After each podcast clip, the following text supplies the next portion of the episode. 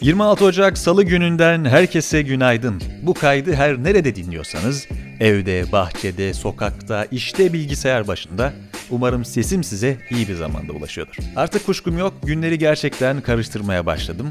Geçen hafta Perşembe gününün kapanışını bugün Salı günü diyerek kapatmıştım. Pandemi herkesi o veya bu şekilde etkiledi. Beni her şeye ek olarak bir de bu yönde etkilemiş. Bakalım başka neler çıkacak. Dün İpek en sevdiğimiz şarkılardan birini paylaşmamızı istemişti. Aposto Podcast hashtagini kullanarak. Bununla alakalı kimi güzel öneriler gelmiş. Ben de birkaçını dinleme fırsatı buldum. Ben de bu yayın vasıtasıyla en sevdiklerimden birini paylaşayım. Biraz klasik olacak belki ama Sting'in Fragile'ını başka bir yere koyuyorum.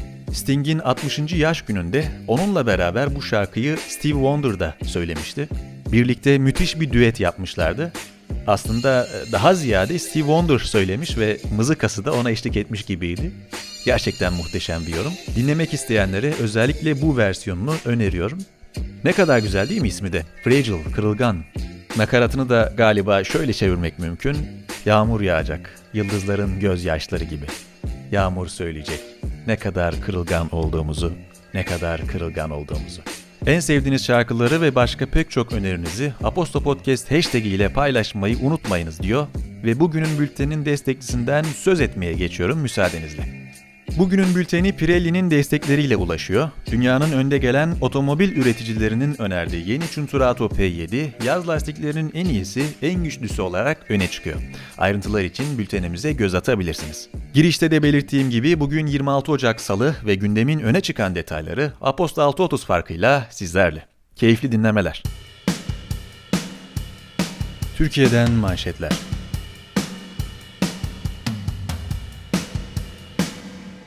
Türkiye ile Yunanistan arasında 5 yıl aradan sonra İstanbul'da dün gerçekleşen istikşafi görüşmelerin 61. turu tamamlandı. Anadolu Ajansı'nın diplomatik kaynaklardan edindiği bilgilere göre görüşmelerde geçmiş 60 turda ele alınan konular değerlendirildi, mevcut durum, son gelişmeler ve gelecek adımları konuşuldu. İki ülke görüşmeleri sürdürme kararı aldı. Bir sonraki görüşme Atina'da yapılacak. Görüşmelerin ardından Cumhurbaşkanlığı Sözcüsü İbrahim Kalın Twitter'dan Cumhurbaşkanımızın güçlü liderliğinde Ege dahil tüm sorunların çözümü mümkündür. Bölgesel barış ve istikrar herkesin menfaatindedir açıklamasını paylaştı. Hazine ve Maliye Bakanı Lütfü Elvan, faaliyetine geçici süre ara verilen mükelleflerin vergilerinin tebliğ ile ertelendiğini açıkladı. Mücbir sebep kapsamına alınan mükelleflerin mücbir sebep dönemindeki katma değer vergisi ve muhtasar beyannamelerinin beyan ve bunlara ilişkin ödeme süreleri, mücbir sebep halinin sona ereceği tarihi izleyen ayın 26. gün sonuna kadar uzatıldı.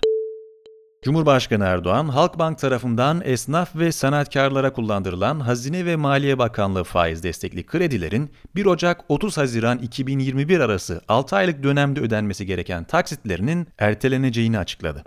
Türkiye İstatistik Kurumu'nun yayımladığı Ocak ayına ilişkin sektörel güven endekslerine göre mevsim etkilerinden arındırılmış hizmet sektörü güven endeksi Aralık 2020'ye kıyasla %2,9'luk artışla %101,9'a yükseldi.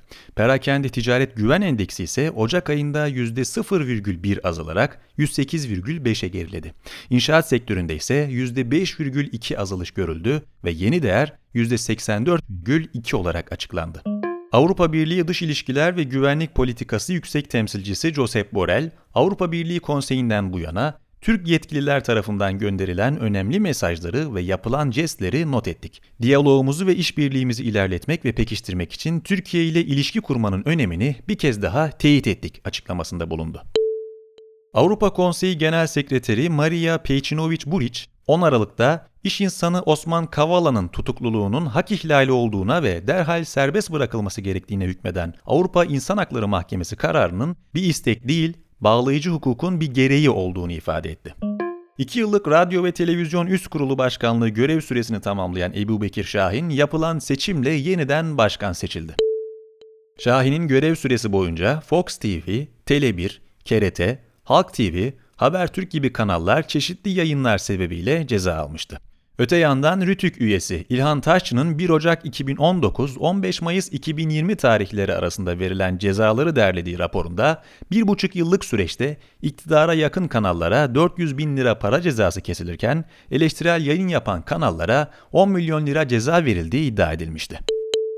Kurum, Son olarak Halk TV'deki bir yayına verilen para cezasının iptaline ilişkin davada yaptığı savunmada yer aldığı söylenen, medyanın iktidarın yıkılmasına sebep olabilecek, ekonomik kararlara hükmedebilecek, daha açık ifadeyle istediğini başa getirebilecek, istediğini alaşağı edebilecek derecede önem arz ettiği bir durumda, her program konuğunun medya kanalı ile istediğini söyleme özgürlüğünden bahsetmek asla mümkün olmayacaktır ifadeleriyle gündeme gelmişti.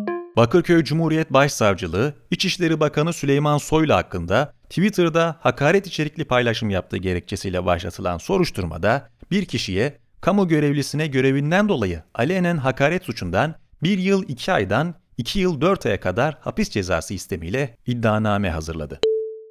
Süleyman Soylu, paylaştığı bir fotoğrafa hakaret eden kişinin adli kontrol şartıyla serbest bırakılmasına Twitter'dan tepki göstermiş Ardından Adalet Bakanı Abdülhamit Gül'ün klavye başına geçip sosyal medyada bana her gün tutuklama siparişi verenlere sesleniyorum. Bu işleyişi beğenmeyen gider itiraz hakkını kullanır ama yargıya parmak sallayamaz açıklamasının ikili arasında gerginliğe neden olduğu yönünde yorumlanmıştı. Dışişleri Bakanı Mevlüt Çavuşoğlu, Nijerya açıklarında kaçırılan geminin mürettebatı ile ilgili olarak korsanların henüz hiç kimseyle temasa geçmediğini açıkladı. Geminin teknik işletmesinden sorumlu Boden Denizcilik Genel Müdürü Levent Karsan da geminin Türk sahipli ya da Türk bayraklı olmadığını ifade etti. Dünyadan manşetler Her yıl İsviçre'nin Davos kasabasında gerçekleşen ve bu yıl çevrim içi ortama taşınan Dünya Ekonomik Forumu dün başladı. 29 Ocağı kadar sürecek zirvenin içeriği, Dünya Ekonomik Forumu'nun COVID-19 sonrası dünyayı yeniden inşa etme önerisini temsil eden büyük sıfırlama ana teması etrafında gezegenin geleceği, adil ekonomiler, iyilik için teknoloji, toplum ve çalışmanın geleceği, sağlıklı gelecek, jeopolitiğin ötesinde daha iyi bir iş dünyası gibi başlıklarda şekilleniyor. Zirvede Xi Jinping, Narendra Modi, Emmanuel Macron, Ursula von der Leyen, Angela Merkel gibi 25 liderin ve hükümet temsilcilerinin küresel ölçekte acil işbirliği ihtiyacını konuşması bekleniyor. Hollanda'da cumartesi akşamı yürürlüğe giren sokağa çıkma kısıtlamalarına yönelik aşırı sağcı partilerin başını çektiği söylenen protestolar nedeniyle 15 şehirde acil durum ilan edildi. Ülke genelinde yüzlerce protestocu gözaltına alındı. Başbakan Mark Rutte, olayların özgürlük mücadelesiyle ilgisi olmadığını belirterek önlemleri eğlence için almadıklarını ifade etti. %39,49 katılım oranıyla Portekiz tarihinin en düşük katılımlı seçimi olarak anılan Cumhurbaşkanlığı seçiminde 7 aday arasından %60,7 oy oranıyla zafer, 2016'dan bu yana görevde olan Marcel Rebelo de Souza'nın oldu. De Souza, Covid-19 salgınına ve aşırıcılığa karşı mücadele sözü verdi. Çin-Hindistan sınırında tartışmalı bir bölgede iki ülkenin askerleri arasında çatışma yaşandığı belirtildi. İki ülkenin medya kuruluşları da yaralılar olduğunu duyurdu. Hindistan ordusu küçük bir olayın yaşandığını ve meselenin çözüldüğünü açıkladı. İki ülke arasında yaşanan sınır gerginliğinin arka planını okumak için 29 Haziran tarihli Aposto bülteninde yayımlanan Hindistan ve Çin gerilimi başlıklı yazıya göz atabilirsiniz. Wall Street Journal'ın İtalya hükümet sözcüsüne dayandırdığı habere göre Senato'daki güven oylamasında mutlak çoğunluk elde edemeyen İtalya Devlet Başkanı Giuseppe Conte bugün istifa edecek. İstifa erken seçime yol açabilir. ABD'nin yeni başkanı Joe Biden, Donald Trump'ın orduda trans bireylerin görev yapmasını engelleyen kararını iptal ederek trans bireylerin ABD ordusunda görev yapabilmesinin önünü açtı. Uzay taşımacılığı şirketi SpaceX, Transporter One adını verdiği yeni görevinde Falcon 9 roketiyle tek seferde 143 uydu fırlatarak rekor kırdı. Falcon 9 aracıyla fırlatılan uydulardan 10'u SpaceX'in uydu interneti projesi Starlink'e aitken kalan 133 uydu diğer şirketlerin uydularını içeriyor. Aselsan ve İstanbul Teknik Üniversitesi işbirliğiyle geliştirilen Aselsat 3U küp uydusu da bu görevde gönderilen uydular arasında yer alıyor. The Verge'de yer alan bir habere göre Google çalışanları küresel bir sendika ittifakıyla bir araya geliyor. Alpha Global olarak adlandırılan ve Amazon çalışanları da dahil olmak üzere dünya çapında 20 milyon kişiyi temsil eden bir federasyon olan Uni Global Union'a bağlı olarak faaliyet gösterecek yeni ittifak, ABD, Birleşik Krallık, İsviçre gibi 10 farklı ülkedeki 13 farklı sendikadan oluşacak. Geçtiğimiz haftalarda ABD ve Kanada'daki çatı şirket Alphabet çalışanları Alphabet Workers Union adıyla sendikalaştıklarını duyurmuş ve sendikanın üye sayısı bir haftada 230'dan 700'lere ulaşmıştı. Politika Dünya